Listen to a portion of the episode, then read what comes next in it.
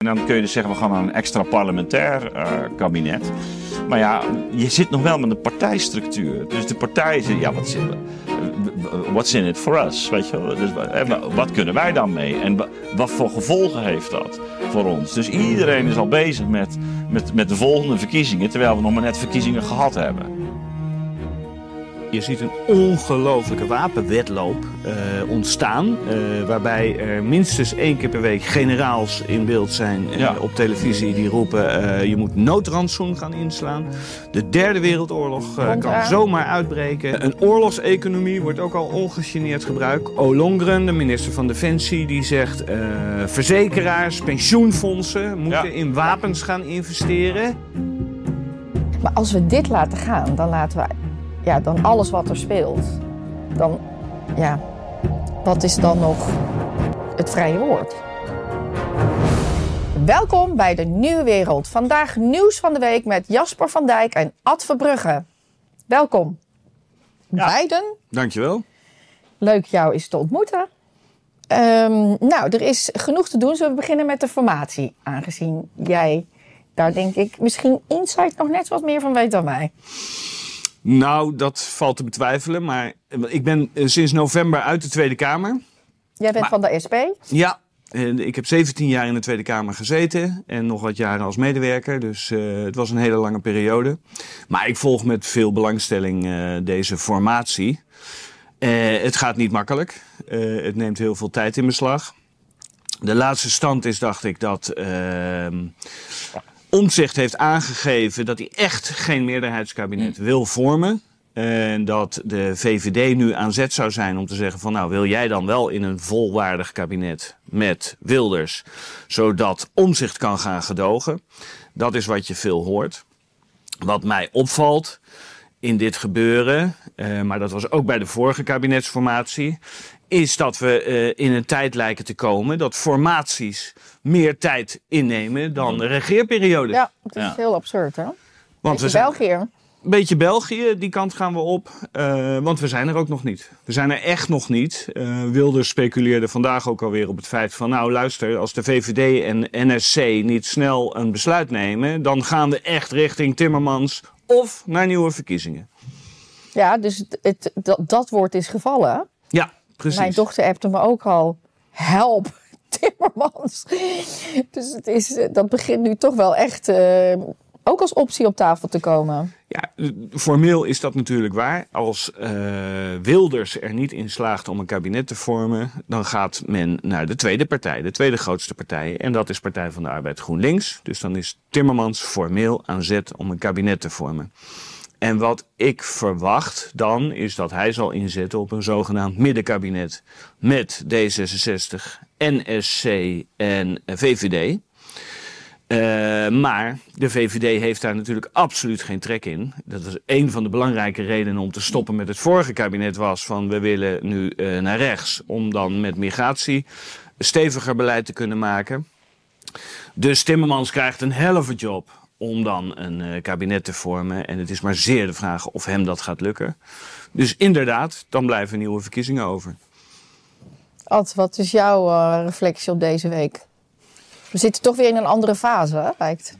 Ja, nou ja, ik kijk er verder niet zo van op. Um, het heeft natuurlijk alles te maken vanuit een, een, een breder perspectief bezien met uh, een, een, hele ja, fundamentele verschuiving die al jaren gaande was uh, bij uh, het kiezerspubliek zelf. Hè. En dat, dat is ook iets van een culturele transformatie. Het feit dat mensen toch uiteindelijk bereid zijn om vrij massaal op de PVV te stemmen dat geeft toch iets aan van een mentale omslag. Ik denk dat er heel lang zo rond die 20, 25 eh, dat, dat, laten we zeggen, een deel van het publiek bereid was eh, zo ver te gaan. Maar de rest daarboven had duidelijk, uh, nou ja, misschien morele of culturele bezwaren om, om, die, om die stap te zetten. En wat mij betreft is, is de grote verschuiving uh, van de laatste verkiezingsuitslag dat die barrière is doorgebroken. Mm En um, de, je, zou, je kunt zeggen dat uh, de orde vanaf uh, Pim Fortuyn, hè, politiek, altijd nog bestond bij de gratie van het niet doorbreken van die... dat sentiment. dat sentiment. dat sluimerde wel, maar er waren te veel remmingen. bij, eh, denk ik, een deel van het publiek. En eh, wat ik inderdaad eh, ja, fascinerend vind, is hoe, hoe dat heeft, heeft kunnen plaatsvinden. Ehm, eh, en en het, systeem is daar, eh, dus ook helemaal we zeggen, de hele parlementaire omgeving, en een deel van hoger opgeleid Nederland, is daar gewoon niet op ingesteld. Die hebben nog, nog steeds eh wil zeggen, de, de, mentaliteit zoals die in de jaren negentig is gegroeid. Eh, en met Fortuin was het toch ook een vorm van indammen. En met de LPF toen, en, eh, toen waren ze ook wel in paniek. Nou, dat is de afgelopen decennia best gelukt. Alleen nu, nu eh, is het duidelijk dat dat niet meer lukt. En eh, dat zie je ook natuurlijk in de tussentijdse peilingen. Er wordt natuurlijk veel over geklaagd. Hè. Sommige mensen vinden zelfs dat eh Maurice eh, de hond het zwijgen zou moeten worden opgelegd. Of Oh, is dat die- zo? Ja, ja, ja, zeker. zeker. Want? Eh, nou, omdat, Dat hij niet meer moet peilen. ja, de, eh, omdat men vindt dat dat een vertroebeling teweeg brengt. Ik, to- ja, ik vind dat het wel goed is, omdat je toch wel er- ergens ehm, daardoor ook, ook voeling blijft houden met wat er nu maatschappelijk aan het schuiven is. Kijk, je hoeft niet voor mij om de havenklap te peilen, maar, maar eh, ik, ik denk dat, dat die peilingen in die zin toch wel illustratief zijn voor die, voor die onderstroom en die Ja, maar ik dynamiek. ben, ik ben toch benieuwd, want eh, Jasper, jij weet het van, van binnenuit. Eh, geeft dat ook onrust? Zeker. Die peilingen zijn ontzettend eh, invloedrijk eh, op Den Haag, op eh, de Tweede Kamer. Overigens, het is niet alleen Maurice Hond eh, die peilt. Nee, Eh, nee, Het is ook een van Nee, maar. En eh, hij doet het ook graag, zeker. En, en je ziet natuurlijk een heftige verschuiving nu. Want huidige peilingen zetten de PVV geloof ik op 50 zetels. Eh, Ja, dus- 50 plus zelfs, hè, nog. eh, ja. Precies, dus, dus iedereen die kijkt daar heel erg naar, eh, reken daar maar op. Ehm, Maar de- toch lijkt het dan van buitenaf alsof dat zo... Mm. Ja, maar dat is misschien schijn. Eh, je probeert je daar dan een beetje aan te onttrekken. Maar reken maar dat fractievoorzitters die peilingen nauwgezet in de gaten houden. En bijvoorbeeld de VVD, dat natuurlijk heel goed bekijkt nu. En, en, en die zitten echt in tweestrijd. Moeten we nou in zee gaan met de PVV? Ehm, om te voorkomen dat er een middenkabinet komt. Waarbij Wilders natuurlijk vrij spel zou hebben om helemaal los te gaan op de VVD met name. En te zeggen, wat een schande. Jullie hadden met mij een kabinet moeten vormen. Nou zit je met Frans Timmermans eh, weer zo'n flats, eh niet zeggend middenkabinet te vormen. Ehm, Maar dat gaan, dan gaan ze nog een keer door de helft, denk ik. Hè? Wat denk, dat zou, dat zou heel fataal kunnen zijn, zeker. Eh, maar dat hangt er heel erg vanaf hoe deze formatie eh, wordt afgewikkeld. Eh, want ik ben ook van mening dat eh, iedereen kijkt naar omzicht en eh, in zekere mate naar de VVD. Maar Wilders is natuurlijk ook hoofdpersoon in deze formatie. Hij is de grootste partij. Hij heeft op dit moment de verantwoordelijkheid om, deze formatie in goede banen te leiden. Maar wat gebeurt er? Al die partijen die twitteren er op los. Los, ja. Wilders niet in de laatste plaats, nog steeds. Eh, heeft daar ook al wel in het debat van gezegd van ja, dat had misschien eh, anders, dat had wat wel minder gekund. Je ziet dat deze partijen enorm aan het zoeken zijn naar een houding richting de formatie enerzijds en richting het publiek anderzijds. Want ze willen niet eh, hun kiezers tekort doen, dus ze blijven zich profileren. Terwijl je een traditioneel kabinet echt achter de schermen vormt. Zo is het altijd gegaan. Hè? De luiken gaan dicht, radiostilte komt op. En na zes weken komt er een kabinet op het bordes. Dat gebeurt zes nu allemaal weken, hoe lang? Wanneer hebben we dat voor het laatst gehad? Dat is heel lang Dat is geleden. heel lang geleden. Precies. Nog Luppers of zo? Waar, waar, welke tijd spreken we dan? Ja, eh, nou nee, Rutte 2. Rutte 2, Is die in- 2012, Samson eh, Rutte was natuurlijk ook heel snel. Hè? Dat was bruggen slaan. Eh, dat was ook een grote verbazing voor het publiek. Want dat werd die tweestrijd toen tussen Rutte en Samson. Die allebei rond de 40 zetels kregen. Eh, in, in een keiharde verkiezingsstrijd tegen elkaar. Gaan we naar links of gaan we naar rechts, even samengevat. En vervolgens, de één dag na de verkiezingen, nee, de, dezelfde avond nog, hebben ze elkaar gebeld van... hey Mark, hey Diederik, wij gaan morgen koffie drinken. Oh, was dat toen ze zo verliefd waren? Precies, dat was die tijd. Dat was die. En twee weken Zie je maar wat later... liefde kan doen. Ja, maar dat is natuurlijk wel fataal afgelopen voor de Partij van de Arbeid. Ja. Dat werd dat snoeiharde bezuinigingskabinet waar de Partij van de Arbeid werkelijk zijn allerlaatste veren Ja. eh, in Ja maar, uitverkoop ja, maar deed. toch daar even door eh, Ja. overdenkend. Eh, daardoor is Samsung zo machtig geworden in de Europese Unie. Mhm. Die heeft daardoor eigenlijk heel die climate change er doorheen gewurgd Mhm. Met Timmermans. met Timmermans. Dus dat wij helemaal in dat CO2-gevangenis terug naar af zitten, is eigenlijk door die verkiezingen toen. Of in ieder geval hoe dat heeft uitgepakt Ja, voor de PvdA. dat kan je zo zeggen, inderdaad. En ehm, dat is een beetje waar Ad net aan refereerde. Dat is zeg maar dat establishment, eh, wat vroeger de touwtjes helemaal in handen had, tot Pim Fortuyn, zeg maar. Eh, dat zit in Brussel natuurlijk ook heel erg. En zo iemand als Diederik Samson, die kon daar een hele goede plek eh, krijgen. Met Frans Timmermans als eurocommissaris. eh, om daar dat klimaatbeleid uit te rollen. Dat is waar. Zo zie je maar dat de ene domineesteen toch verbonden is met de ander. Ja, nee, nee, zeker. Maar goed, om, om even dus eh, terug te komen. ehm, ja, als, je, als je kijkt waar we nu staan, eh, vanuit, dat, vanuit dat bredere perspectief, eh, dan ehm, ja, verbaast het mij dus helemaal niet dat dit eh, zo loopt. Hè. De- Dus, Maar hoe zou jij de lijnen dan nou doortrekken? ja, dus, dus eh, misschien toch, toch een paar dingen nog eruit nemen. Ehm, hè, dus dus eh, wat, wat Jasper terecht opmerkt, is dat je ziet dat die formatie eigenlijk heel vreemd verloopt. Hè? Dus, dus, en dat komt omdat ehm, die verkiezingsuitslag al zo'n schok was. eh, dat bij iedereen, eh, bij alle partijen, die waren eigenlijk al bezig met hun, met hun profiel. Dus die waren, ze zijn dus niet primair met het land bezig. om het Zo maar te moeten. Je kan zeggen, nou, de, hè, het, is helder eh, eh, dat, dat er een paar hele eh, belangrijke thema's bij de, bij de burgers duidelijk leven. Daar kun je, kun je best wel een beetje uit destilleren uit die, uit die verkiezingen. Maar ehm, die, die partijen zitten in, ja, met een profiel, hè, wat ik in de gezagscrisis dus dat, dat, de primaat van de, de beeldvorming noem. Eh, en, en die beeldvorming is natuurlijk heel anders dan in een vroegere situatie. Hè. Dat is eh, wat ik altijd zeg, mijn opa en oma hebben nooit gestemd. Eh, die, die gingen gewoon, eh, die stemden op, namelijk op de partij waar ze, waar cultureel lid van waren, op de zuil. Dus, maar dat is natuurlijk eh, vanaf de jaren 70, 80 eh, en met name de jaren 90 is dat steeds meer gaan schuiven. Dus dat contingent zwevende kiezers is steeds groter geworden. Eh, ehm, en dat zie je nu, dat is eh 80, 90 procent kan, kan bewegen. En de, de manier waarop je dus nu contact houdt met je publiek is via media. En eh, dat is een hele andere situatie dan eh, ten tijde van, laten we zeggen, eh, de zuilendemocratie in de jaren 80, 90. Dus we beginnen nu dat effect echt te, echt te merken.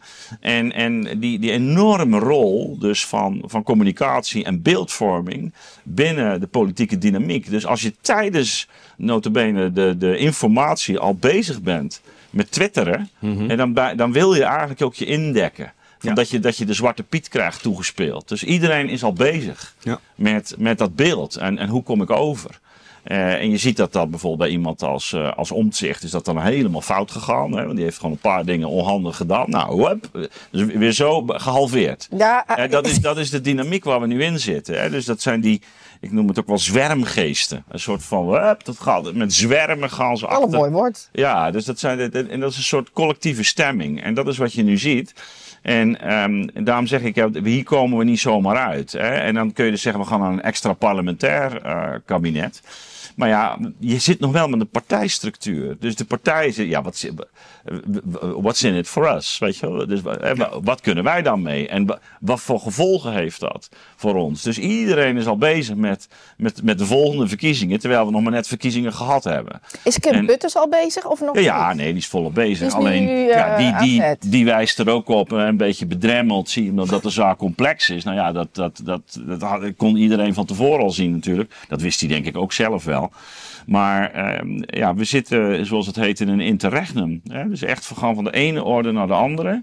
En, en dit is dus een, een, een beetje zoals in de Republiek van Weimar eh, in Duitsland in de jaren twintig. Gewoon die democratie die kraakt en die, die partijdemocratie ja, die, die, die heeft echt eh, heel veel moeite.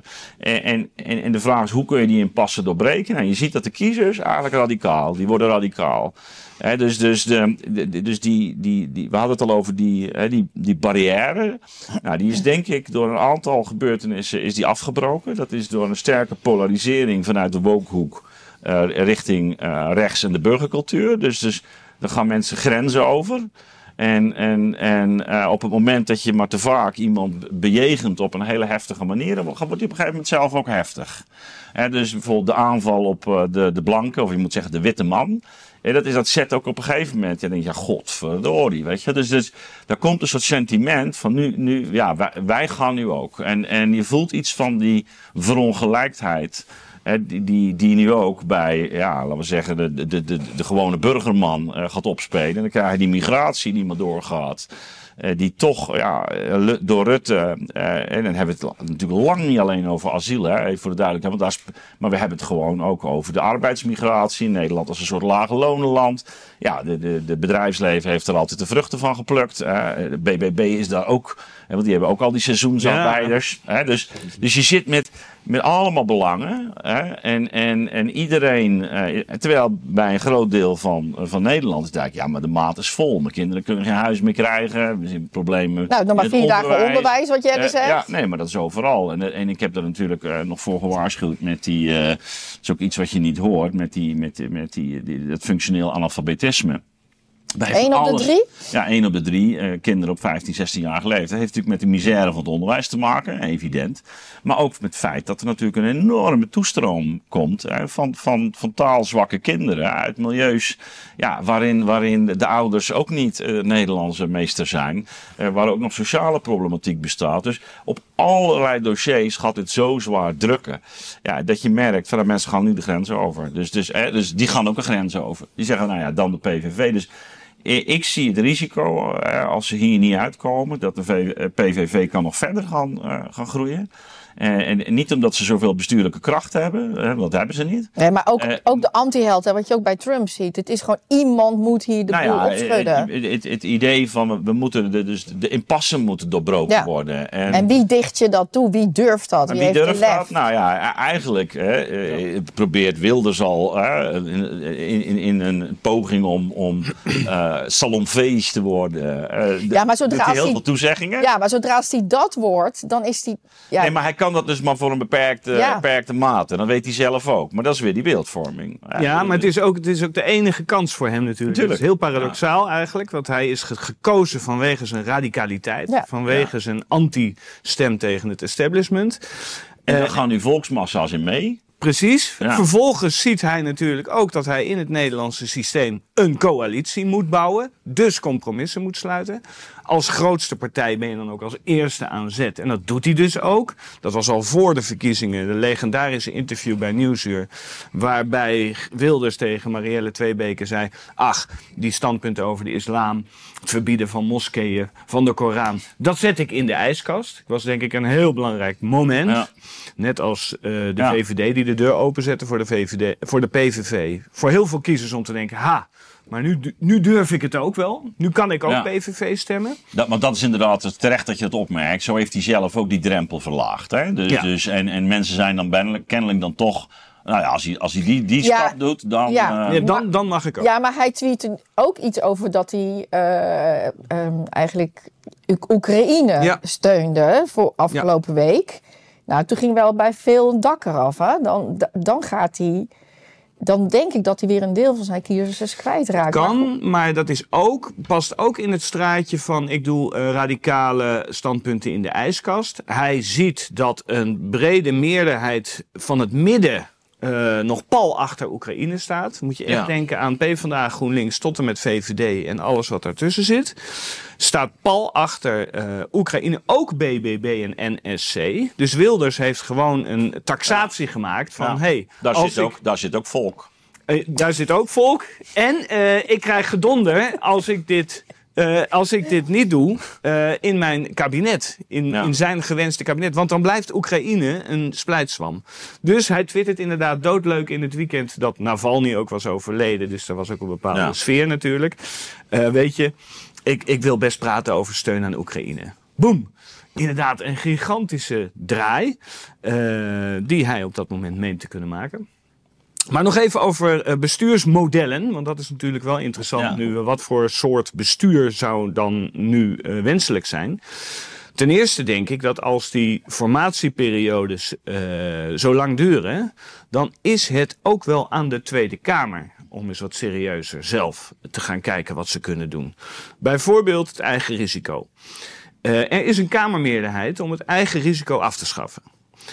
Uh, daar zijn moties toe ingediend, ook door mijn partij. En er wordt dus vastgesteld: hey, de Tweede Kamer wil afschaffing van het eigen risico. Vervolgens is natuurlijk de vraag: hoe ga je dat doen? Dat kost misschien 3, 4, 5 miljard euro. Dus dat, dat, daar moet een berekening onder komen, daar moet een onderbouwing komen. Uh, maar wat is er mis mee als die partijen die voorstander zijn van afschaffing van het eigen risico, nu eens serieus met elkaar aan tafel gaan zitten en gaan zeggen: dit is hoe we het willen, en echt een goed doorgerekend plan.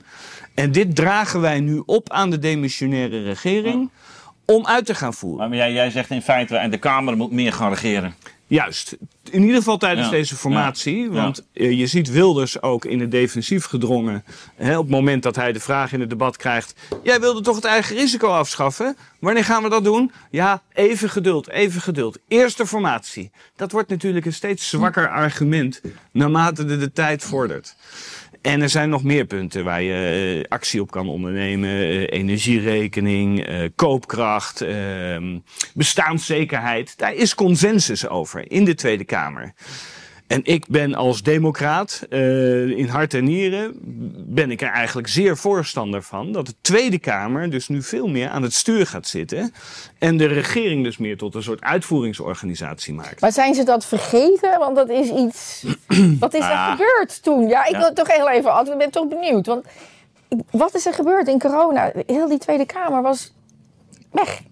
Deed een soort van niet meer mee. Je bedoelt qua debatten? Nou ja, waren niet meer aan het stuur. Uh, nee, dat is waar, maar dat was de coronaperiode. En je bedoelt dat er toen door het kabinet allerlei besluiten werden genomen. En de, Tweede Kamer, ja, daar kun je inderdaad nog een boom over opzetten. Maar dat was het wel, denk ik, die specifieke omstandigheid. Nee, maar is daardoor misschien nu iets ontstaan dat, die, dat nee. de Tweede Kamer daardoor niet. Nee, dit, dit, dit, dit, dit vergt echt een cultuuromslag. Uh, het gaat erom dat men gewoon gewend is dat kabinetten beleid maken en kabinetten met wetsvoorstellen komen en dat de Tweede Kamer controleert. Maar de Tweede Kamer is natuurlijk net zo goed uh, in staat om wetten te maken, voorstellen te doen. Sterker nog, zij is de wetgever. Precies. De regering ja. is de uitvoerende macht. Precies. Precies. Ja. ja. Maar dat vergt dan wel moed van de politici. Dat zij nu met elkaar aan tafel gaan. Uh, en zeggen van kijk eens, hier is de Kamermeerderheid voor. En hier ook voor. Dit gaan we nu serieus uitwerken. En dan zetten we de zogenaamde Ernst Kuipers. ik noem hem even als voorbeeld, maar hij is nu weg. De demissionaire regering. Dat zijn allemaal ministers die nu in hun blessuretijd nog daar zitten. Uh, die gedwongen zijn, die verplicht zijn om uh, de wens van de Kamer uit te voeren. Meer dan ooit in een demissionaire periode. Nou, dat is grappig. Want ja, in, heel goed punt. Nou ja, in, ja grappig. Maar kijk, in feite uh, is dit al een soort voorbereiding op een extra ja. parlementair kabinet. Ja. Eh, want, uh, en, en daar zit ook meteen de angel. Want op het moment dat je natuurlijk als Kamer uh, gaat regeren, dat is of, of in ieder geval de wetten, dan, dan um, eh, ontstaat vanzelf het risico dat er eigenlijk geen eenduidige uh, uh, richting meer is. Waarin je de, de uitgaven in, in, in, in bedwang kunt houden, een beetje op elkaar kunt afstemmen. Dus dat het, nou ja, dan komt er weer die, dan komt er weer die. Dus het, het, het is ook. Een, nou, dan is het een, niet afgetikt. Nou, niet afgetikt, nee, maar het is geen integraal beleid je hebt, meer. Je hebt geen regeerakkoord. Je hebt geen, je hebt geen integraal beleid meer. En, en dat maakt dus ook dat er natuurlijk ja, partijleiders daar ook wel weer een een, een beetje voor, voor terugdeinzen. Want het kan ook betekenen dat uh, ja, die belangrijke punten die je dan wil halen, uh, ja, uh, daar is dan geen geld meer voor. Want dit is al aangenomen in de tussentijdse periode. Ja. Dus, dus het geeft allemaal aan hoe die partijdemocratie nu worstelt met zichzelf. En, en ja, dus, dus je zou heel op termijn, denk ik, heel fundamenteel moeten nadenken over over partijdemocratie. Uh, maar ik, ik heb daar geen uh, makkelijk antwoord op. En het idee van, nou, we gaan het extra parlementair doen. Ja, uh, de, de grote vraag is natuurlijk, als het land zo verdeeld is. en, en, en dat vertaalt zich in een gepolariseerd politiek landschap met partijen die allemaal hun eigen identiteitsthema hebben. Ehm, waarbij eh, men duidelijk belangengroepen heeft en, en, eh, en, en daarop hun, hun kiezers wil. En dan moeten ze voor, dat, voor die beeldvorming dat overeind houden. Maar in die zin zou je je kunnen voorstellen dat een zakenkabinet Ja. een, eh, een richting kan zijn. Als je dat zo begrijpt als een kabinet met ministers die dus wat verder van de politiek afstaan. Die ook ter zake kundig zijn, laten we Ja. dat vooral niet vergeten. Eh, waardoor de politieke partijen die dat zakenkabinet steunen eh, meer afstand hebben tot dat kabinet. Ja. Dan ontkom je misschien aan dat probleem, Ja. aan die angst van partijen dat ze zich niet vol- voldoende kunnen profileren. Dus dan heb je een zakenkabinet dat maakt beleid op hoofdlijnen. En dan heb je partijen die zich voldoende kunnen blijven onderscheiden. Want dat zie je nu dus door dat getwitter Ja, eh, ja en dat kan gewoon niet. profileer. Dat, dat komt allemaal voort uit angst voor de kiezer. Van hé, hey, wacht even, blijft mijn profiel wel overeind als ik al te lang wegblijf eh, in die formatieperiode? Nou, en dat begrijp ik best, want Maurice de Hond blijft peilen en één vandaag blijft peilen. Dus al die politieke partijen die willen hun profiel behouden. Ja. Eh, dus je, je zou kunnen zoeken naar een manier waarop partijen zich voldoende kunnen blijven onderscheiden. Terwijl er tegelijk een kabinet is wat beleid uitvoert. Ja. Ja, we maken het misschien ook te ingewikkeld. Die, dat ene, die ene zin van jou, of dat ene woord, kundigheid. Mhm. Als er gewoon weer kundigheid terug zou komen, Ja, ja, is goed, er dan niet veel opgelost? ja, ja, dat is waar. Maar Want dat is- geeft rust, hè? Jawel, maar kijk, eh, belangrijk om te onderscheiden. Eh, we hebben juist geprobeerd allerlei dossiers kundig op te lossen. Extern. Ja, precies. Dus, dus eh, eh, eigenlijk een poging om de, de, de politieke verdeeldheid, die samenhangt met eh, deels ideologie, deels, deels met belangengroepen, eh, deels met heel subjectieve voorkeuren, om die eigenlijk uit te schakelen. En corona was een sprekend voorbeeld daarvan. Door te zeggen van nee, we moeten de wetenschap laten doen. De Daar kun je niet over twisten. Dat is objectieve waarheid. Eh, vervolgens blijkt natuurlijk dat die wetenschap zelf ook voor allerlei karretjes wordt gespannen om, om je besluitvorming te legitimeren. Dat, is, dat is wat er is gebeurd. Dus eh, bedoel, dat zag Marx al. Hè, dat eh, dat de, de, eh, spreekt over de ideologische bovenbouw. Dat, dat een, eh, een, een wetenschap zelf vaak ook een belang een een, een, en, en, daarmee ook een machtsdynamiek kent. Omdat ze voor een, een bepaald belang staan. Denk aan bijvoorbeeld de farmaceutische industrie, waar we het over, over gehad hebben. Dus een, eh, bovendien, en dat is heel belangrijk, eh, kundigheid ga- gaat altijd over een bepaald domein. Bijvoorbeeld, we willen het aantal besmettingen terugbrengen, of we willen een goede brug bouwen, of we gaan. Maar politiek gaat niet over één domein. Politiek gaat over het goede leven in zijn geheel. Dus je moet afweging maken. Juist. Dit kan wel, dat kan niet. Hangt met waarden samen. Hè, dus, dus, eh, en waar je maatschappelijk naartoe beweegt. Dus je hebt helemaal gelijk. Kundigheid is ontzettend belangrijk. Ja, ik zit gewoon aan jouw boek. Jij hebt het Ja. mij geleerd. Weet je, Ja. eigenlijk zoals je het zegt in de ook. gezagcrisis. Ja. Wat is, wat is kundigheid en wanneer heb je gezag en hoe Ja. en zo in het bedrijfsleven Recht van spreken verstand van spreken. Precies. Ja, ja. En in het bedrijfsleven Ja. is het niet anders. Ja. En dan hoef je niet allerlei soorten commissies op te tuigen. eh, Nee, maar, maar eh, onderschat het niet. Ik bedoel, wa- was het maar zo simpel. Hè? Dus, eh, ja, we zijn ik- er heel ver vandaan. Ja, maar ik, ik, ik wijs ook op het belang van praktische wijsheid. En, en praktische wijsheid hangt samen met hoe je ook een maatschappij ziet. Wat je, wat je van belang vindt. Eh, Neem een voetbalclub. Hè, dus een, een, een praktische wijsheid van een bestuurder bij een voetbalclub. Die moet gewoon zien van, nou ja, eh, zo ehm, eh, ga ik om met, met de supporters. Hè, zo ga ik om met eh, de financiën. Zo ga ik om met de spelersinkoop. Zo gaan we om met... Je hebt een heel veld. En als je er bijvoorbeeld te veel na- naar de financiën gaat kijken. ja, dan kan, kunnen andere dingen in de verdrukking komen. Dan wordt Ajax een soort zaken, een financiële instelling. Ja. En dat, kritiek die ook nogal eens geuit is. Denk aan heel de, de, de rol die Johan Cruijff heeft gespeeld. Dus eigenlijk terug naar het, naar het voetbal, zorgen voor eigen kweek. Uh, Dus daar horen ideeën bij over eh, wat je als, als club bent. En dan ga je dus mensen in positie brengen. En, en dat moet dan als geheel moet dat kloppen. Hè, dan moeten mensen, eh, hè, zoals, zoals, zoals Plato al zegt, overal waar onrecht binnenkomt, ontstaat er verdeeldheid. Dus als mensen het idee hebben van ja, maar dat is niet terecht. Hè, maar dat betekent dat je dus wel moet werken aan een ge- gedeeld verhaal met elkaar. Van die, die kant gaan we op. En, en nu, eh, we we weten eigenlijk gewoon bij God niet welke kant we op Het is heel erg deelbelangetjes. Ja. Het is heel particulier. Eh, ik ben het er zeer mee eens. Het gaat om een overkoepelend idee, waarbij je het algemeen of het gemeenschappelijk belang in de gaten houdt. En dat vergt ook lef en moed van politieke Ja, en partijen. leiderschap. Dat is leiderschap. Leiderschap, precies. Ik vind Pim Fortuyn, even een klein voorbeeldje. Eh, die werd ooit gevraagd eh, in een beetje onbenullig interview. eh, wat vindt u nou van de bioscoopkaartjes? Die worden toch steeds duurder? Waarop hij zei: Ja, wat is daar mis mee? Dan gaan die jongens misschien wel eens wat nuttigs doen.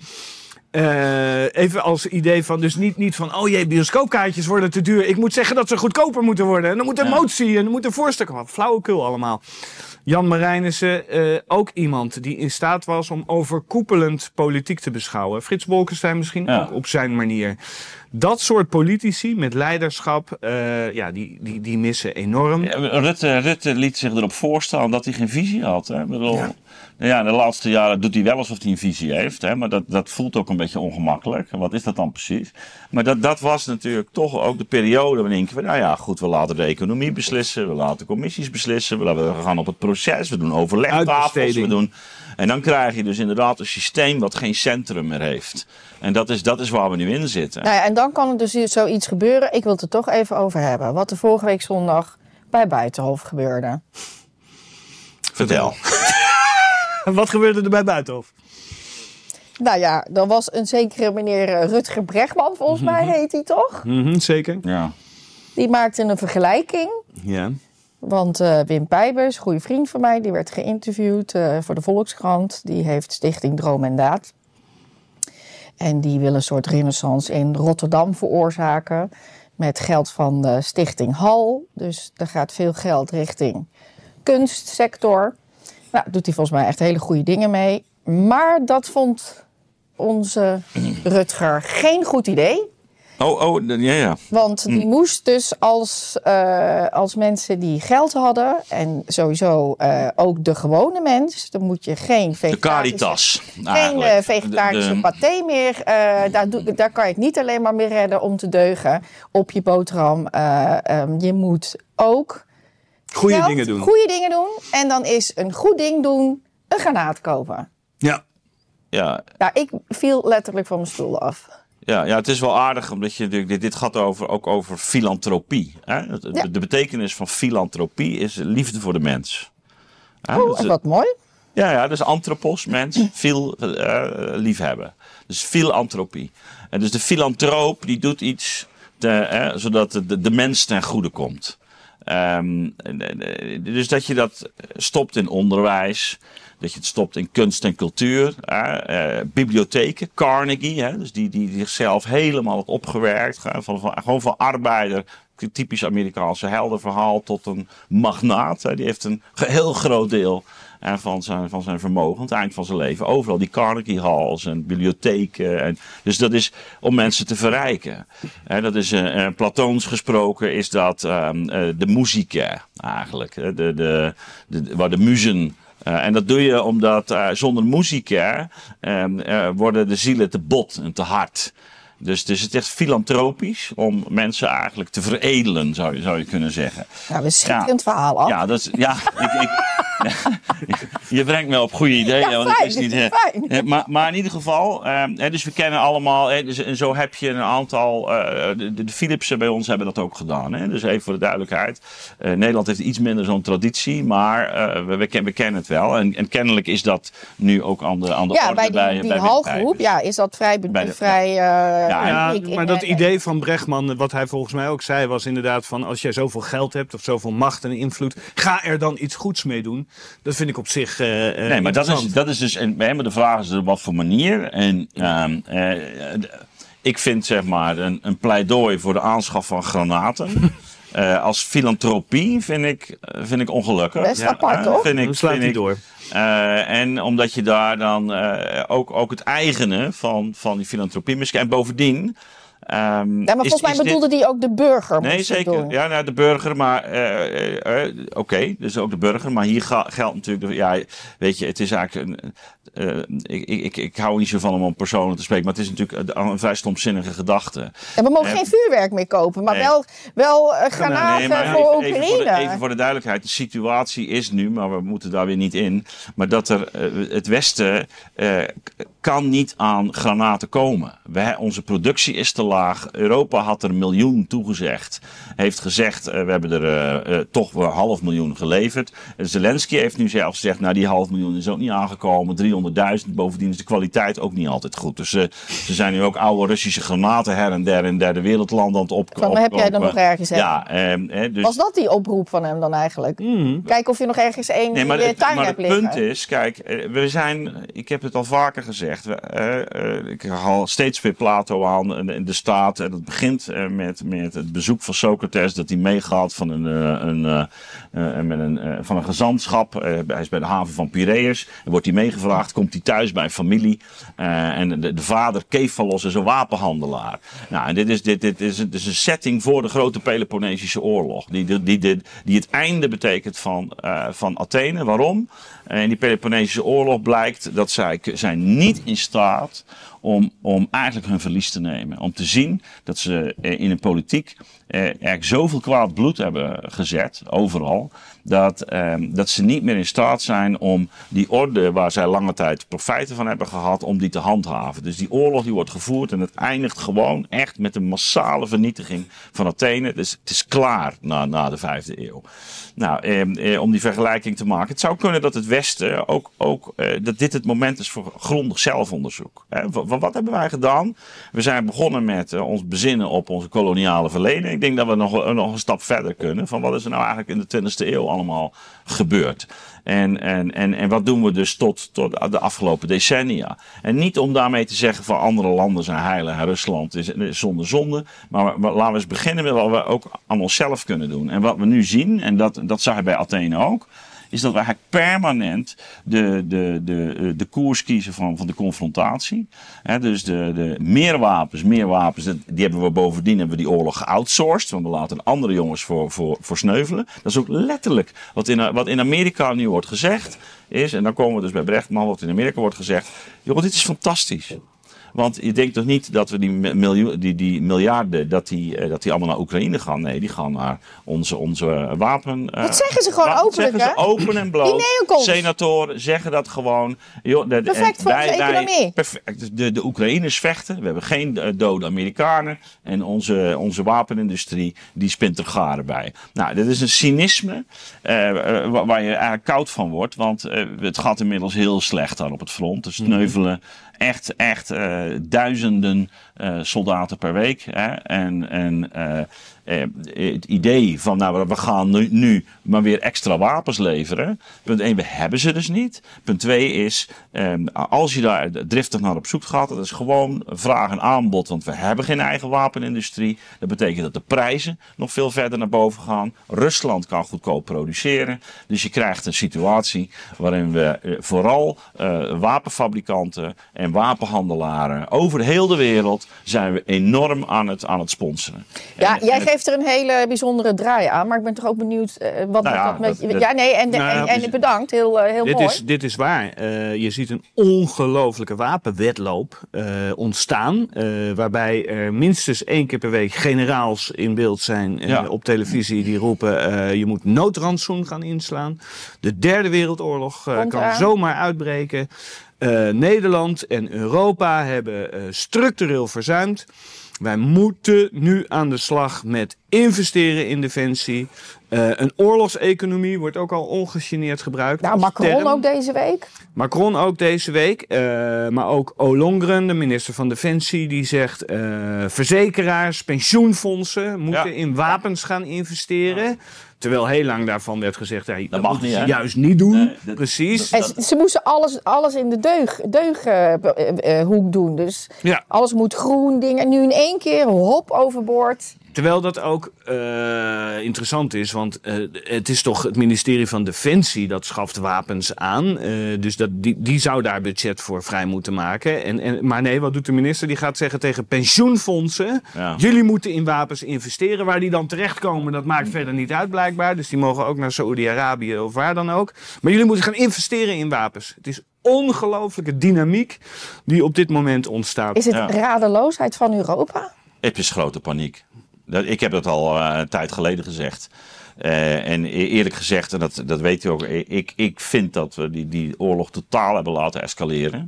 Uh, maar het hele probleem is, als je eenmaal op dat pad beweegt, en dat zou, daarom refereer ik even aan Athene, is het heel moeilijk om nog terug te keren. Want het betekent... Nou, die reflectie die jij zegt, die is verre van. Ja, maar bedenk, um, en dat geldt bijvoorbeeld uh, voor, voor Zelensky in de Oekraïne. We hebben dat Istanbul-overleg gehad. Nou, dat is, begint nu toch, toch langzaam wel door te dringen dat er inderdaad zoiets als een, uh, een vredesakkoord lag in grote lijnen. Hè, met een zekere een autonomie voor die, voor die Donbass-gebieden, neutraliteit van de Oekraïne en erkenning van de Krim. Nou, niet leuk.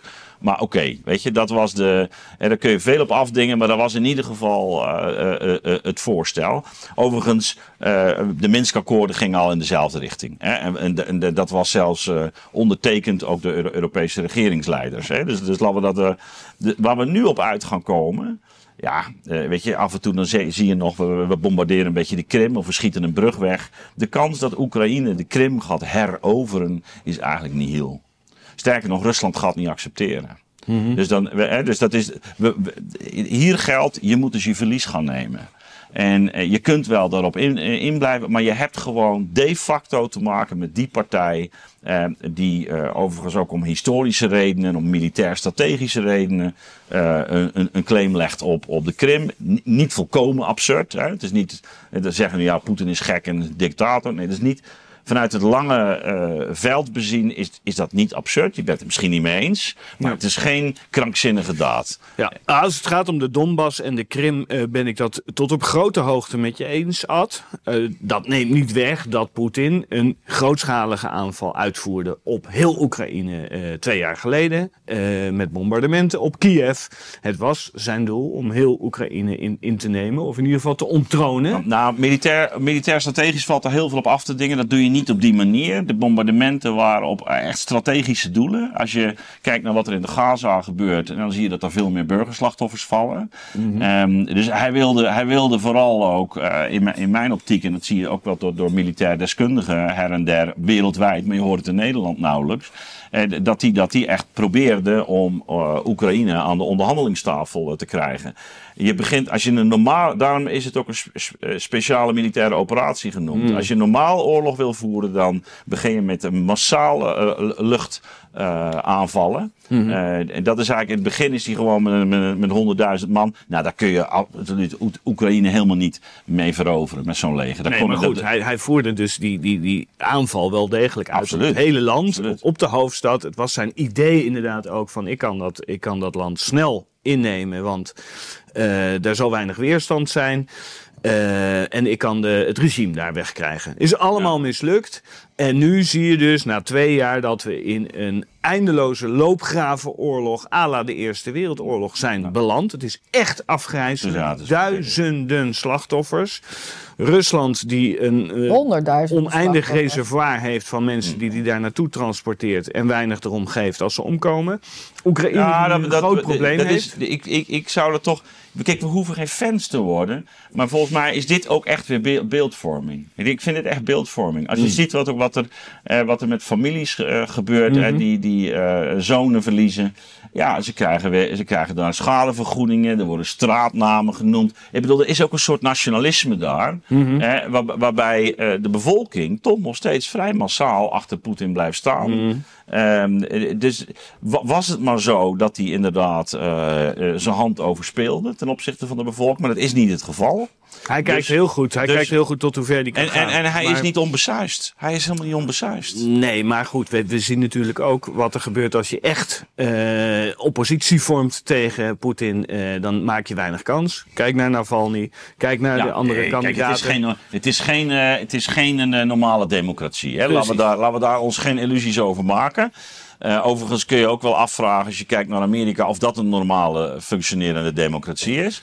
De macht van, van uh, corporaties, het kapitaal is gigantisch. Mm -hmm. dus ook, je kan ook zeggen, ook, ook een soort oligarchische structuur mm -hmm. die, je, die je daar ziet. Maar goed, daar hoeven we het nu niet over te hebben. even toch terugkomend op, want het, is het thema waar we begonnen zijn. wat moet je nu, nu doen?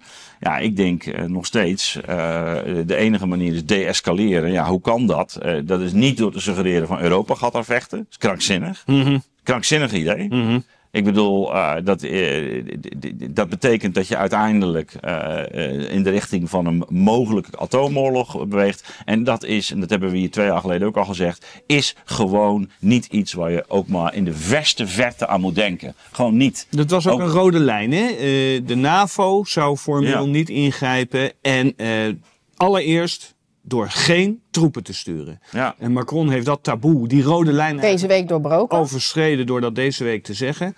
En ook een notabene ja. onze commandant der strijdkrachten Onno Eigelsheim zei deze week... nou, we moeten geen enkele optie uit, uitsluiten. Het is, het is, Terwijl ze niet eens iets hebben. Ze hebben geen materiaal. Krankzinnig. Ja. Maar we, we, laten we ook niet vergeten... uh, uh, wij hebben gewoon geen ervaring met een serieuze oorlog. Mm -hmm. Dus dat is Europa... Al die mensen die dat hebben gehad die, die, die zijn nu uh, weg. Dus er zitten daar regeringsleiders. Die, die, ja, die, we hebben misschien eens een troepen gestuurd naar Afghanistan. Ja. En, hè, oh, ja. er zijn dan, Stabilisatiemissies. Stabilisatie, humanitaire missies. Totaal maar dit anders. is, dit is gewoon ja. keiharde oorlog.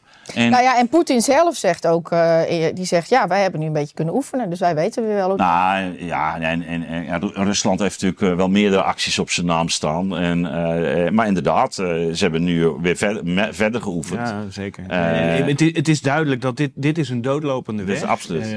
dus al dat geroep van ministers en generaals, meer bewapenen, dat, dat, dat, dat, wordt, dat, dat leidt alleen maar tot meer slachtoffers. Dus je moet nu naar een alternatief gaan werken. Waarin je je verlies gaat nemen. En, nou ja, ik, en, en, en ik ben bang, als we dat niet doen, hè, als we dat niet doen... Nou, daar dat, lijkt het dus zie je, op. het, het, front begint in te storten. We hebben uh, in, uh, in juni zijn er geen uh, granaten meer. Dan is het gewoon op. Hè? Dus Rutger Bregmakker. En, en we kunnen die productie helemaal niet aan in het Westen. Wordt veel te weinig geproduceerd. Amerika is dan het oplussen, maar dat is nog veel te weinig. Dus, dus, dus de, de, je ziet nu al dat ze natuurlijk enorme tekorten hebben. En de, dus waar, waar de, Rus, de Russen hebben vijf, zesvoudige tot hun beschikking. En daarom hoor ik hier, oh, er zijn zoveel Russen gesneuveld. Ja, dat is weer onze propaganda. Op het moment dat je vijf, zes keer zoveel granaten kunt afschieten uh, in, in, verhouding tot de vijand, nou dan weet je ook wel hoe het met die, met die, met die, met die dodental, ja. met, met dat dodental ligt. Dus dat is verschrikkelijk. Dus dat, dat die worden afgeslacht. Die zijn, het is een heel moedig leger. Hè? Ongehoord hoor. Bedoel, nou ja, en uh, ongelooflijk verzet uh, gepleegd. Nee, daarom. Hè, maar dat is, dus twee jaar lang houden ze al stand. Kun je alleen maar, maar het is voor beide partijen ook hopeloos. Hè? Want uh, Oekraïne gaat die gebieden niet terugkrijgen. Wat jij nee. zegt, de Krim is onmogelijk. Ja, of, je, of je moet een kernoorlog riskeren. Zoals Poetin ja. deze week ook zei. Ja, suggereerde in zijn jaarspeech. Ja, ja doet hij vaker hoor. Dus wat dat betreft, maar, maar zeker. Hoeven niet te schrikken. Maar andersom is natuurlijk ook zo dat Rusland gaat Oekraïne niet veroveren. Niet, niet, niet geheel. Dat loopt ook helemaal vast. Dus het zit, het zit nu vast op hebben ze ook niks Donbass. En, en dat is een loopgravenoorlog. En dat hebben we al een keer gedaan in de Eerste Wereldoorlog. Dus je, moet, je zou kunnen zeggen, leer daar nou eens van. Maar ik, ik, ik denk dat het anders gaat lopen. Uh, ook, ook hier al eerder aan tafel uh, voorbij gekomen. Ik, ik, ik, ik, ik acht de kans groot dat wanneer de komende maanden, als we niks doen, dat, dat uh, de Russen met een voorjaarsoffensief komen. Dat ze in ieder geval door, doorstoten tot, tot aan um, uh, de Dnieper. Ja. Dat ze Odessa nog erbij pakken. Dat ze waarschijnlijk ook Kiev ook uh, gaan omsingelen. Je ziet in de laatste fase van de oorlog, zag je, er zijn er echt beelden, zie je in Duitsland ook, wanneer, wanneer fronten instorten, dan vallen de meeste slachtoffers. Wat nu aan het, wat en, nu en, aan het en, gebeuren dus, is, hè? Dus neem nou Afdievka, hè? Dus, uh, dit, dit, dit, daar hebben we het toen over gehad. En daar zag je al dat, dat eigenlijk de, de, de militairen aan het vluchten waren. En, toen heeft Sirski een dag later, toen dat al de, heeft gezegd, nee, we gaan hem terugtrekken. Maar dan zie je, dan, dan ontstaat er chaos. Dus, dus, dus daar zie je ook uh, dat, dat, mensen bij bosjes worden uh, uh, neergeschoten. Ja, het is afschuwelijk. En dan hebben de, de, de Russen hebben een militair overwicht. Ze hebben zelf een heel goed luchtverdedigingssysteem. Een hele combinatie van dus, dus hun, hun inlichtingen, hun verkenningsmiddelen met opsporingsmiddelen en vervolgens uitschakelings. Ja, dat is een dat is een apparaat wat ze nou hebben opgetuigd. Dus ik, ik, ik ben bang als we niks doen.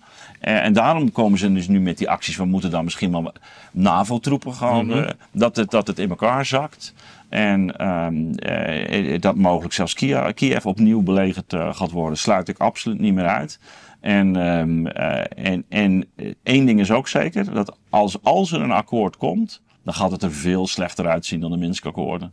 Veel slechter Ja. uitzien dan de, de, de Istanbul-akkoorden. En, en dat bedoel ik, dat weet ook iedereen. En, en dan is dus het gevaar van, ja, dan gaan we maar door. Want ja, anders zijn al die jongens voor niets gesneuveld. Ja, nee, dan krijg je dat. En het verlies nemen natuurlijk Ja, van iedereen. Ja, en de posities die zijn ingenomen. Hè? Want Ja. het is Ja. zo vaak gezegd, whatever it takes. Ja. eh, Ja. En hoe lang het ook duurt. Wij blijven, nou, van, de week ook weer een, een tienjarige steunverklaring. Hè? Wij blijven hoe dan ook Ja, achter Oekraïne staan. ja. Zonder clausules. Misschien even toelichten. Nou, dat was dus een voorstel van de Partij van de Arbeid GroenLinks. Eh, die hadden eigenlijk een soort verklaring gemaakt. Een statement van 1 naar 4'tje. Ook om de PVV uit te lokken, uit te dagen. ja, ja. ja, ja. Van eh, wij, wij, wij blijven de komende tien jaar eh, ongeclausuleerd achter Oekraïne staan. Nou. Doe je mee? Nou ja, kijk, Timmermans stond ook te juichen toen een democratisch gekozen regering werd afgezet met, met een putsch. Op de, op de Maidan. Ja. Dus, dus ehm, eh, Ja, maar het is een soort omgedraaide wereld. Eh, Wier Duk heeft ook een artikel in de Telegraaf. En dan zegt hij ook, waar is de vredesbeweging? George van Hout zegt ook, zullen we eh, zondag 31 maart, eerste paasdag... met 500.000 mensen samenkomen op Museumplein om 12 uur. Iedereen in het wit. Zwijgend, zonder borden, teksten, partijsymbolen of landenvlaggen. Gewoon voor de vrede. Ja. Ja, ja, nou ja, ja. Dus ik- dat, ik- dat dan een Timmermans zat links... Ik, SP, ik bedoel, Ja.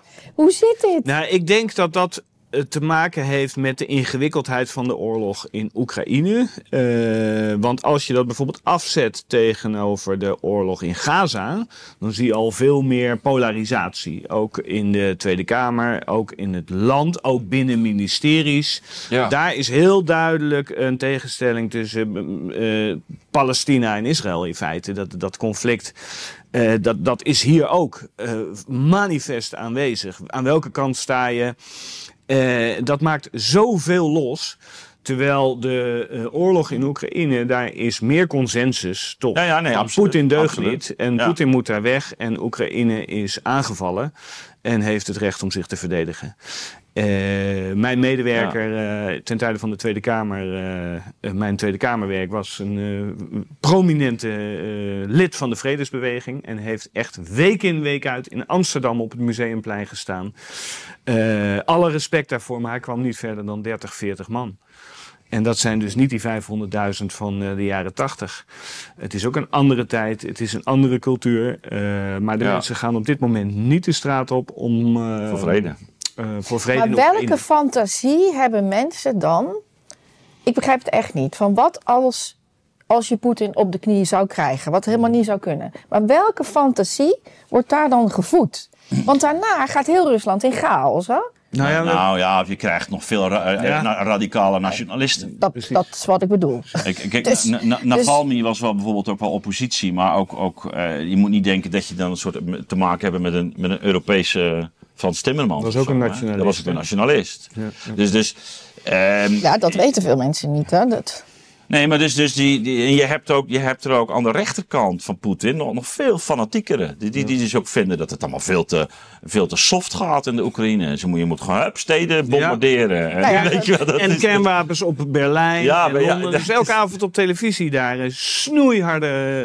eh, Dus, dus, dus, Poetin Ja, dus- is nog dus- gematigd. Hè? Maar dat bedoel ik. Dus welke fantasie nee, maar dat is waar. Dat is hebben waar. mensen dan? Is- Want dan zou toch die 500.000 Ja, maar- mensen met een... Gewoon, ik moet daar staan. Ja, er is ook in het begin door de Amerikaanse minister van Defensie, eh, Austin, is ook gezegd: hè, we moeten zorgen dat Rusland, Poetin, nooit meer zo'n aanval kan uitvoeren. Ja. Eh, Dat, soort, dat zijn hele heftige uitspraken natuurlijk, waaruit een soort mega-agressie eh, spreekt om dus niet alleen Oekraïne te helpen, maar nog veel verder te gaan om eigenlijk gewoon het Kremlin af te zetten.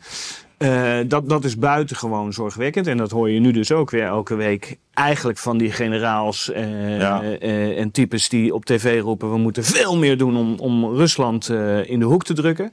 Overigens, ook bedacht ik van de week, zo'n Eigelsheim, hè, dat is onze hoogste Ja. militair, de, de commandant der strijdkrachten. Die- Die, die mag dus elke week een paar keer op televisie uitleggen dat we meer moeten bewapenen, et cetera. Maar eigenlijk is dat natuurlijk gewoon een ambtenaar. Het is een ondergeschikte van een minister. Het is helemaal terecht dat je dit Een, zegt. een ambtenaar, die Ja. mag dat niet. Die mag niet Ja. op televisie om te vertellen... we moeten meer doen aan de gezondheidszorg. Of, Maar, eh, maar, maar, maar het is heel goed, maar Jasper. militairen dus wel. Heel fijn dat je dit inbrengt. Want dit- ik, ik, ik zag plotseling de, de parallel eh, een paar weken geleden met, eh, met eh, de, de coronacrisis. Dat dus eh, we daar ook eigenlijk zeggen, nou, de, de, de deskundigen moeten nu maar zeggen wat er moet gebeuren. Ja. Terwijl de, de, die, die eh, topmilitairen, die kunnen wel weten hoe een leger functioneert. Ja. hè? En, en wat, eh, hoe je het beste een leger inricht. hè? Maar dat betekent niet dat ze eh, ook politieke tact hebben. Integendeel. En, en, en sterker nog, ehm, eh, het, kan heel, het, het is eigenlijk heel onwenselijk, want je krijgt een rolverwarring. En dat zagen we ook bij, eh, ten tijde van de coronacrisis. Van, ja, wie, wie, wie, wie gaat er eigenlijk Ja. over? Is het nou eh, het, het managementteam? Hè? Wat, eh, o- o- o- of Ja. is het nou Rutte? Wie, wie, wie Ja. gaat er over? Ja. Ehm, dus je krijgt een soort van militarisering.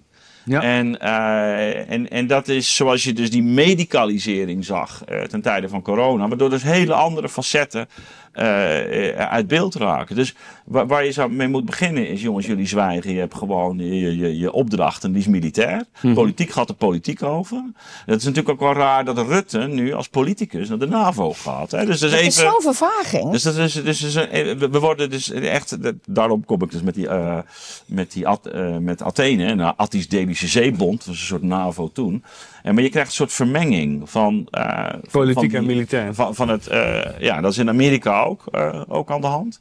En ik denk dat dat een hele onwenselijke situatie is. En, en, en, en men doet een beroep op gezag, hè, want het is een generaal of een, of een admiraal Ja. die, die, een, die een uitspraak doet. Terwijl, wat weet de man, wat weet de beste man van de geopolitiek? En, en hoe we daar het beste in moeten laveren. Ja. Want dat is de, dat is de kwestie van hoe. eh, wat is er eigenlijk geopolitiek aan de hand? Hoe komt het dat eh, de BRICS nu zo fl- floreren? Dat China die positie inneemt? Hoe komen we daar het beste uit? En dat is geen militair vraagstuk. Dat is een politiek vraagstuk. Waar staan wij met elkaar? Eh, wat wordt de toekomst van Europa? Een oorlog moet bij uitstek politiek opgelost Absoluut. worden natuurlijk. Bij Absoluut. uitstek, dus juist niet militair. Militairen zijn er inderdaad om een gebied in te nemen, om strategisch te bekijken waar gaat die heen en dan ga jij daarheen. Dat is hun deskundigheid. Hier heb je precies dit thema. Dus een militaire deskundigheid die politiek wordt ingezet om iets te legitimeren. Terwijl je denkt van ja, maar wacht even. We moeten kijken wa- waar is het probleem ontstaan. Wat voor geschiedenis heeft dat? Eh, wat kunnen we doen? Hoe, hoe, hoe ziet dat Europese huis eruit? Eh, over 10, 20 jaar. Die visie heb je nodig. Maar toch even terug naar zo'n Rutger Bregman. Ja, daar, daar begon het Want mee. daar begon het mee. Ja. En we hebben daar een hele, Ja. even een hele oorlog. Hij zei- ja. Hij zei, eh, een goed filantroop, eh, die geeft zijn geld niet uit aan schilderijen, maar aan granaten. ja, dat was eigenlijk de boodschap. Ja. En dat vinden wij niet zo verstandig. Nee, en dat is volgens mij niet Tot de manier. zover. Nee, maar, Ja. Maar, deze, Ja, nee, deze, dat- deze meneer alle schrijft boeken deugen, over deugen. Ja, de, alle, mensen deugen, Dat weet je. bedoel ik. Ja. Dus over verwarring Ja. gesproken. Ja. Van wie zegt wat. Ja, nou ja, dat is dus ook het trieste. Hij moet nog even die uitspraak van Churchill teruglezen. Hè? Eh, toen werd er geroepen in het Engelse parlement in de Tweede Wereldoorlog van... We moeten bezuinigen op kunst en cultuur, want er is oorlog. We moeten bommen kopen, granaten. Ja, En toen zei Churchill, wacht even. Maar als we dat gaan doen, waarom voeren we dan nog oorlog? ja precies. Precies. Ja, maar hij was natuurlijk Ja. toch echt wel briljant ook. Ja, en maar, maar, maar, dus, maar eh, toch om daarop terug te komen, eh, dus helemaal los van eh, eh, of we nou moeten kiezen voor kunst en cultuur of oorlog. Het is gewoon een volstrekt ideeel idee. Het is een gevaarlijk idee. Eh, je, de- de- als Europa de mogelijkheden had om die granaten te hadden ze het al lang gehad. Het is geen kwestie van tekort aan geld. Het is een kwestie van een tekort aan granaten. Wij hebben de afgelopen de- decennia hebben we door die de totale vermarkting van de, van de overheid, door outsourcing, door een, een, een financieel-economisch stelsel, hebben we al onze productie eh, in Nederland eh, buiten de deur gegooid. We zijn heel afhankelijk geworden van die globale eh, netwerken. We produceren zelf een, en in toenemende mate dus. eh, Beetje zoals de medicijnen tijdens corona. absoluut, ook allerlei. We Ja. konden zelfs geen mondkapjes konden we meer maken. Nee, dat dus- dus, aan Siewert van en, Linden en, en ik bedoel, daar, daar zijn eerder al. eh, ik, bedoel, ik heb me er al eerder over. eh, ik heb ooit een- de grenzen van de markt geschreven. Ten tweede, nou ja, bij jullie is het een thema. En dan moet je dus breder nadenken over wat een land is. Hè, en, en, en hoe je dat samen inricht. Ik, ik, ik, je hoort me nu dus een pleidooi houden voor, voor vrede. Ik ben geen pacifist, nooit geweest ook. Ik bedoel, ik neem de menselijke natuur zoals die is. En dan zul je eh, daarvoor moeten toerusten. Dus, dus eh, een goed leger. Maar we hebben eindeloos bezuinigd op dat leger. En met een, met een, met een, met een mentaliteit die daar is ontstaan. Eh, die gewoon ook, ook, ook ja, fout- Oorlog, dat was iets van ver weg. De- ja, Dat, dat, dat, dat deed je in dus- Afghanistan of in Mali. Ja, maar we- voelen ons in één keer allemaal gidsland. En, En toen- toen wij- en dat we daar iets over moeten Toen wij zeggen. in de jaren en- negentig tanks stuurden, hè, die jongens die daar in Kosovo eh, hebben gezeten, maar ook die in Srebrenica moesten bewaken. We hebben de, toen panzervoertuigen gestuurd waarvan we de, de, de, de PvdA vond dat eh, de, de mitrailleurs een, een te- te grote eh, agressie uitstraalden. Dus hebben ze kleinere pro- Oh, ja. profiel hebben ze toen erop gezet. Dat is waar, ja. Dat, is, dat, is, dat, dat was onze geest. En nu zijn we dus al helemaal aan de andere Helemaal kant. aan de andere kant. Helemaal aan de andere kant. Bommen, granaten, zeggen we nu. En, eh, In plaats van en, ja, ik, ik zit nog steeds in het midden. Hè? Want ik denk, eh, ja, eh, natuurlijk, je moet een goed leger hebben. Evident, eh, belangrijk. Maar eh, laten we wel even blijven, politiek blijven nadenken. En dat Ja, gebeurt niet meer. Heren, we vliegen door de tijd heen. Ja. Ik kan nog veel meer willen doen, maar ik wil echt toch deze keer over Julian Assange. Nou, dat sluit Ja. hier mooi op aan. Want ja. dat kan Ja. niet dat wij het hier niet Ja. over hebben. Ja, hadden we al veel eerder moeten doen. Hij Ja. was natuurlijk de klokkenluider van eh, de foute Amerikaanse oorlogen. En legde dat bloot rond 2010 hè, met Wikileaks. Ja. Er kwamen daar al die documenten vrij waar- waaruit bleek hoe beestachtig de Amerikanen zich gedroegen in Irak en Afghanistan. Ja, ook m- misstanden. Ja. Abu Ghraib is volgens mij Precies. Daar was, eh, daar was de Amerikaanse overheid natuurlijk niet blij mee. Dus die jagen nu op hem, al jaren. En hij zit nu in Engeland, in afwachting van... Gesloten, hè? Eh, eh, Zeker. hij, hij mag niemand zien. In afwachting van de rechterlijke uitspraak of hij wel of niet naar Amerika moet gaan. Waar hij zeker oneindig in de gevangenis zal belanden. Maar de man was dus een klokkenluider. Hij heeft buitengewoon relevante informatie blootgelegd voor de Amerikaanse bevolking. Hij heeft Journalist, volgens mij wat je dus moet doen als journalist. Ja. Hij heeft zijn werk en misstanden blootgelegd. Dat is niet leuk voor een overheid, begrijp ik direct. Maar om hem dan nu te vervolgen en na te jagen eh, alsof het de grootste misdadiger is eh, die ooit heeft rondgelopen, eh, dat deugt niet. Eh, de man verdient een standbeeld. Maar als we dit laten gaan, dan laten we ja, dan alles wat er speelt. Dan, ja, wat is dan nog het vrije woord? Ja. Nou ja, zeker. Dus daarom is hij ook zo'n belangrijk symbool. Echt symbool. Ad, jij bent deze, dit, dit kanaal begonnen voor het vrije woord. Dat is, hij is het symbool voor. Vrije nieuwsgaring. Maar terwijl dan zo over Nav Navalny, je spreekt Ja. goed uit, daar zo'n. Hè, ik bedoel, ik. Het Oh is ja. afschuwelijk wat daar gebeurt. En het is onduidelijk wat er ook gebeurt. Dat weet ik niet. Ja. Maar dat het zo stil gez- eh, ge- ge- gezwegen wordt. Terwijl dat hier aan deze Nee. kant ook aan de hand Je is. zegt het goed. eh, Je moet oppassen met vergelijkingen. Navalny en Poetin is wat anders dan Assange en, en de Amerikaanse overheid. Maar er zit ook een vergelijking in. Eh, het is Ja, in mijn naïviteit zie ik hem in ieder geval. En het is dus niet sterk eh, als wij of het Westen een grote mond heeft over Poetin, eh, die Navalny laat uithongeren, om het zo even te zeggen, in Siberië. Terwijl je je eigen dissident, zeg maar, je eigen klokkenluider, net zo goed eh, oneindig in de gevangenis wil opsluiten. Het zijn andere gevallen, andere landen. Maar eh, Amerika heeft hier absoluut geen goed verhaal. De oorlogen in Afghanistan en zeker in Irak, die deugden voor geen meter. Eh, dat weten we allemaal. Die zijn gebaseerd op leugens. Assange heeft dat blootgelegd dankzij Wikileaks. En de Amerikaanse regering die wil dat niet weten. En waar staan we nu? Want eh, d- d- er, er was dus een, een, eh, een rechtszaak toch dat hij Ja. van Engeland naar Amerika eh, Ja. overgebracht En toen wordt. is hij in beroep gegaan en nu is het wachten op dat beroep. Eh, dus speelt- Het Hoge Rechtshof van Engeland, als ik het goed heb, moet nu uitspraak doen. Dat is de laatste strohalm voor Assange. of hij wel of niet naar Amerika moet. Ja, we heel veel hashtag Free Assange. Het, is een ongelooflijk belangrijk onderwerp. En ehm, Ja, ja, buitengewoon pijnlijk.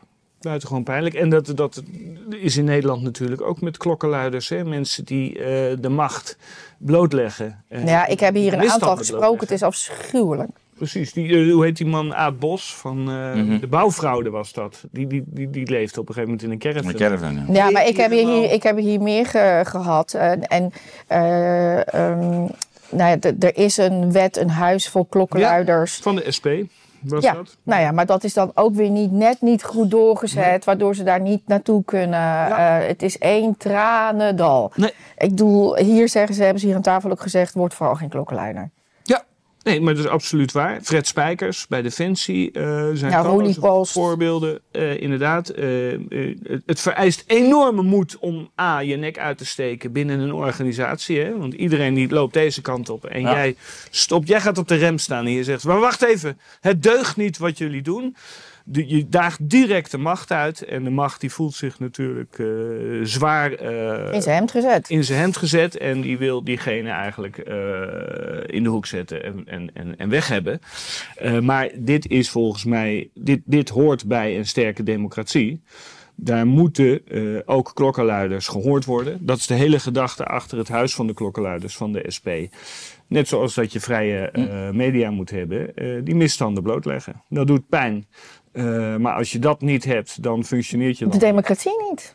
Nou, Jasper, je was een heerlijke. Ik wil, ik wil Toevoeging? graag toch nog wel iets over zeggen. Oké, ja, we, ja, we moeten. hebben- de volgende nee. gast, die, die, is- die staat klaar. Nee, we, maar hebben nog, goed. we hebben nog tijd. Nee, maar mijn gast is. eh, maar goed, ja, Oh. vertel. Ehm, nee, dus toch even ook naar aanleiding van eh, Assange. Want het, kijk, je, we raken natuurlijk eh, ook, ook aan het thema waar we het net over hadden in verband, in verband met de Oekraïne.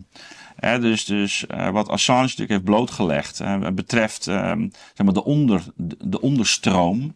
eh, de, de, de, de netwerken onder datgene wat je, wat je in, in de media ziet eh, eh, op een manier verkocht. Die eigenlijk geen recht doet aan wat er, wat er precies gaande is. Dus we we weten inderdaad allemaal hoe de, de, de oorlog in Irak is verlopen. Maar zo kun je het een na het ander opsommen. En, en wat Assange natuurlijk ook duidelijk maakte, is dat eh, ja, de mate toch waarin eh, het Pentagon en CIA eigenlijk actief zijn. En, en welke grenzen ze daarbij eh, overgaan. Hoe die, ja, laten we zeggen, de, de buitenkant van de berichtgeving gewoon niet correspondeert met wat daaronder plaatsvindt. Hè? En, en dat wij dus verkeerde beelden eh, hebben. Nou, dat is cruciaal natuurlijk om te begrijpen wat er eigenlijk eh, in, in de wereld plaatsvindt. Hè? Dus en, en weet van, we zijn een democratie, willen we eigenlijk wel dat dit gebeurt. Hè, we hebben Ja, maar de, de, die vraag actie... wordt eigenlijk niet gesteld. De, de hele actie van, van Pieter Omtzigt hè, over Mhm. die informatievoorziening gaat er natuurlijk om dat we moeten weten op basis waarvan we beslissingen nemen. Nou, en, en, en, en wij zien alleen, oh, maar die, dit gebeurt of dat gebeurt. En ik denk dat dat in hè, de, de, de, de- het bericht in eh, de New York Times eh, deze week vond ik heel significant. Dat van 2014 wij eh, af in de Oekraïne bijvoorbeeld de CIA eh, een, een 12 zou hebben gecreëerd in de, in de nabijheid van de Russische grens. Waar eh, vanuit operaties werden voorbereid eh, in Rusland. Hè, eh, eh, eh, waarbij werd gezegd, ja, die Oekraïners die gingen ook wel regelmatig eh, toch, toch eigenlijk eh, hun boekje te buiten. Ehm, en, maar dat dan geeft aan, van wacht even, er is dus al, iets, al lang iets gaande. Wij weten daar niks van. Eh, je hoort Poetin misschien eh, iets zeggen van ja, in het Westen zus en zo. Maar nee, maar dat is allemaal, dat is allemaal Poetin. Nee, maar wacht even.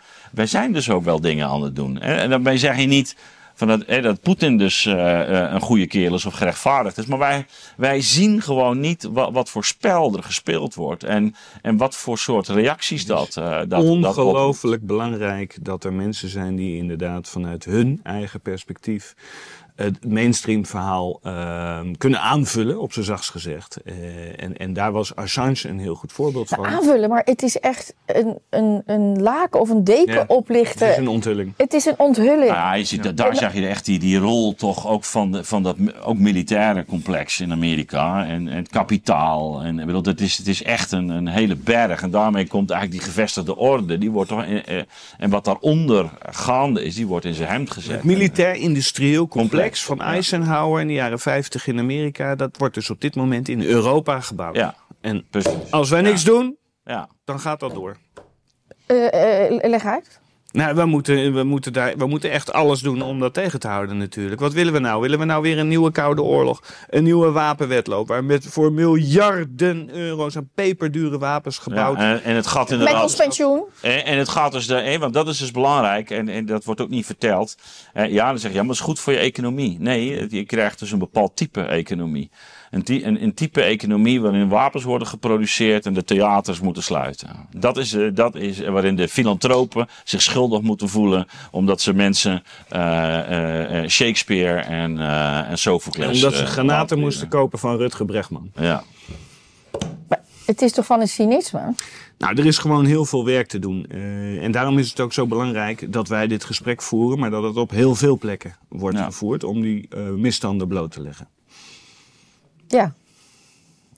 Maar soms eh, vergaat me de hoop wel een beetje. Want is dit vooral naar het nieuws van deze, eh, deze week weer? Er was zoveel druk op dit door te duwen. Ik bedoel, jij was vorige week bij het nieuws van de week hè, daar vrij emotioneel ook over. Van Ja. we zijn mee bezig.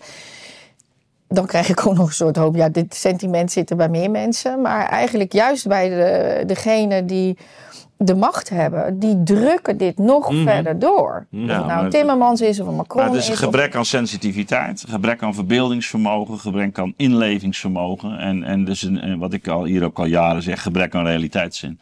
Je weet niet wat je over jezelf afroept.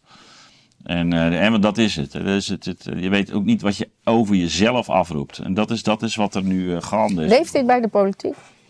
Veel te weinig. Eh, maar goed, eh, eerlijk is eerlijk. Je ziet nu wel natuurlijk die discussie over de steun aan Oekraïne. Die, die wordt er wel gevoerd. Eh, en, en het feit dat Wilders dan weliswaar een draai maakt richting eh, de middenpartijen die Oekraïne onvoorwaardelijk willen steunen. Dat is waar. Maar er, is, er komt langzaamaan een discussie van eh, wat zijn we nu aan het doen? Eh, is dit niet een gebed zonder end? Een eindeloze loopgravenoorlog. Die gaat parallel, zeg maar, aan die generaals en die Macrons die nu roepen: we moeten meer, meer, meer, meer, meer bewapenen. Maar het geluid, het inzicht dat eh, deze oorlog ehm, eh, hopeloos is, dat, dat groeit. En dat je dus een andere manier moet zoeken om hier uit te komen, namelijk Ja. door middel van een vredesbestand. Een politieke oplossing moet Ja. gemaakt worden. Dat is de enige uitweg. Oké, nou, ik wil nog even luchtig afsluiten. Ja, Ja. Ik heb hier een, eh, eh, we hebben hier een paar keer al een lans gebroken voor die mobieltjes in de Tweede Kamer. ja, niet. Geen mobieltjes. Nou, dat, dat ziet er voor de burger, Ja. wat ik ben, Ja, sterk vervreemdend uit. nou, het is grappig dat je dat zegt, want ik had een keer een verkiezingsdebat op een school en daar was de stelling: mobieltjes in de klas moeten verboden worden. En toen zei ik dus, nou, daar kunnen we het best over hebben wij hier als Kamerleden, maar misschien moeten we zelf dan beginnen. Absoluut. Want we zitten non-stop, ik ook, iedereen, omdat het gewoon helemaal. eh, Ja, Ja, maar luistert niemand dus luistert meer. naar haar. niet meer. Zo komt het op Dat mij over. Maar het is. Zeg dat ik op jou gestemd zou hebben. Ja. En jij doet een, eh, Ja. een, een, een, een- hoe noem je zoiets? Een pleidooi voor iets. Of jij Ja. vertelt wat jij vindt. Ja. En de rest zit gewoon zo. shh, Dat vaak tegenwoordig. Oh, Maar dan zijn we weer terug. Dan zijn Is we mijn geluid er nog? Eh, Dan zijn we oh. weer terug bij waar we begonnen. Dat is die heigerigheid in de politiek. Door, die, door die nieuwe media, door die Twitter eh, en, Ja. en Insta en alles. Dus die politici voelen zich 24-7 opgejaagd om te scoren. Er zijn er maar hele enkele die, daar, die daarboven kunnen staan. Eh, de mensen met visie, zeg maar. Eh, maar het gros van de Tweede Kamer is bezig met... ik moet scoren, ik moet zichtbaar zijn. Eh, want als ik dat niet ben, dan word ik afgerekend bij de volgende verkiezingen. Maar luisteren is een kwaliteit, een Ja, senioriteit. natuurlijk. Maar dat is, dus we hebben het allemaal over eh, die, die, de Twitter-bubbels en de, de, van de, de bubbels van sociale media. Maar je ziet dus de bubbels gewoon in de Kamer. Want ze zijn gewoon met zichzelf bezig. Dus je bent bezig met, oh ja, Ja, maar dat oh, er komt- staat daar iemand te praten. Ja, maar dat je komt van, heel slecht over als het daarna naar het je beeld het- komt. je leeft het dus jij voor. daar met je. Dat, dat komt heel slecht over. Want zo van ja, jij Ja. luistert niet eens. Ja, Nee, wat dat betreft is de Tweede Kamer ook gewoon een afspiegeling van de samenleving. Ja, Alleen maar- is het Ja, wel maar een het voorbeeldfunctie. Ja. eh, Nou ja, dat is en de rot begint van boven. Hè? Dus, eh, dus, dus, dus als, als daarboven het niet meer het goede voorbeeld wordt gegeven. We hebben ja, het al maar als bij mij in mijn MT.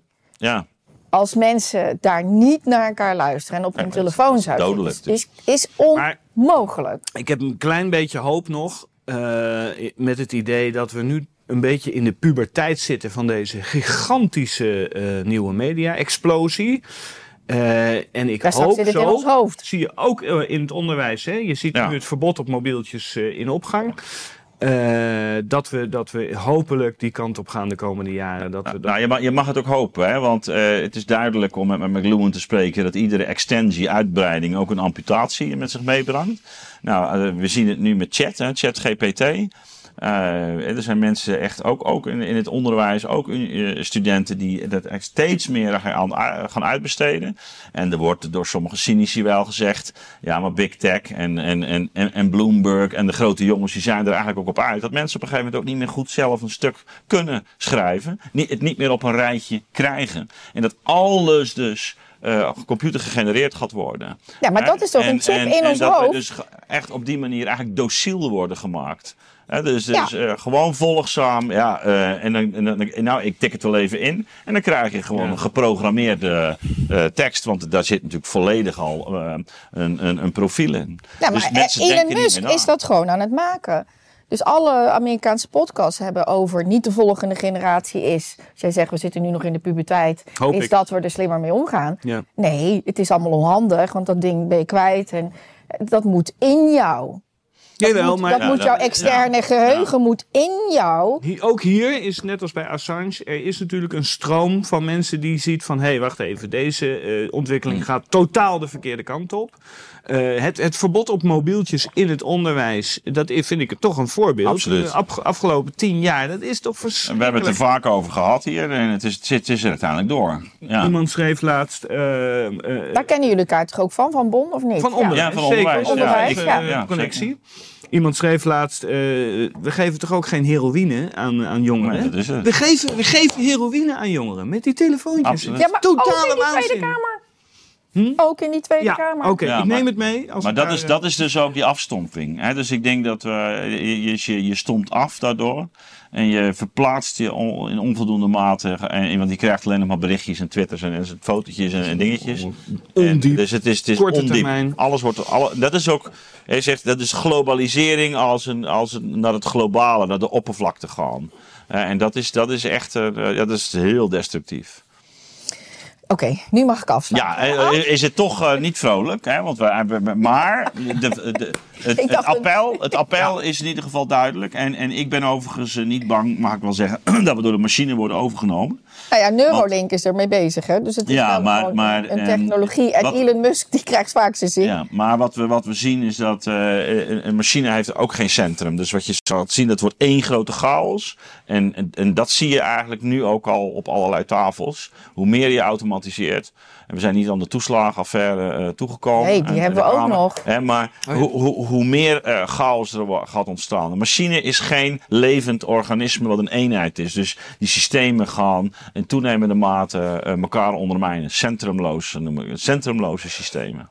Nee, ik kan me ook voorstellen dat je echt een, deel kan. van de samenleving toch dat juist niet wil en, en terug wil gaan naar, naar ten diepste mens zijn met al zijn eh, falen. En ik denk dat er een deel gaat komen die dat wel omarmt Mhm. en dat dat, dat, ja, dat dat uit elkaar gaat. Ik kan me daar verder ook geen voorstelling van doen. Maar omdat jij het noemde van ja, we zitten nu nog in de puberteit. met, ja, met die maar- mobieltjes en die. en Ja, maar ik weet dus niet wat de volgende stappen gaan worden. Nee. of die... Nee, maar we moeten. eh, het is Maar wel wij kunnen als mens wel sturen. Dat Nou ja, eigenlijk- en het is, het is nou sturen. Het is wel duidelijk dat de, de, de problemen zich opstapelen. En, en de, de juichtoon rond eh, big tech, sociale media, zoals we die hadden, Park Beek nog 15 jaar geleden. Die is toch ook voorbij. We hebben die schaduwzijde gezien. En ik denk dat we uiteindelijk, en daar, daar kan misschien ehm, eh, de filantropie een belangrijke rol spelen. Eh, moet Rutger Bregman ook maar weer serieus er maar over nadenken in plaats van de granaten. Ehm, eh, eens een keer zorgen voor de- uitnodigen? dat- ja, Wat een man! Ja hoor, eh, voor de, voor de kwaliteit van onderwijs. Ja. En, en, eh, en, en dat, daar gaat het ook om. eh, één op één mensen iets mee kunnen geven. Het gaat ook om regie durven nemen. En dan maak ik toch nog in twee tellen een kort bruggetje naar dat rapport van het fraudebeleid van afgelopen maandag. Waarin de Tweede Kamer dus opnieuw heeft onderzocht hoe, hoe ernstig die. Niet alleen, niet alleen de toeslagenaffaire, maar dat dat veel breder in het overheidsoptreden optreden zat. Dat mensen vermorseld konden worden. Op een hele kleine fout hadden ze dan bij het invullen van hun toeslagenformulier. Werden ze gelijk snoeihard, moesten ze duizenden euro's betalen. Dit vergt ook weer moed en regie om te zeggen: oké, hier zijn wij als overheid totaal in doorgeslagen. Eh, wij gaan als nieuw kabinet hierin een, eh, een, een, een plan maken, een deltaplan, waarbij we die digitalisering ook meenemen. Want dat is hier direct aan gelieerd absoluut. natuurlijk, omdat je mensen veel makkelijker en Ja, preciezer kunt al- volgen. algoritmes, eh, ja, Moeten we hier regie in nemen. En ik zei net kabinet, maar dat kan dus ook de Tweede Kamer zijn. juist. Kijk, dat is een mooie, mooie opdracht goed. die je ze geeft. Jasper, dat zo wou ik net ook eindigen, maar een leuke dynamiek gaf je aan het nieuws van de week. Dank daarvoor. Ja, Jaspers komt ook, zal ook vaker komen Leuk. in de komende tijd. Nou, dat Graag. is, eh, dat is eh, nodig, denk ja, ik. en Ad, jij ook bedankt. Ja, En jij ook. Ja, ja. En een fijn weekend. Hè? ja.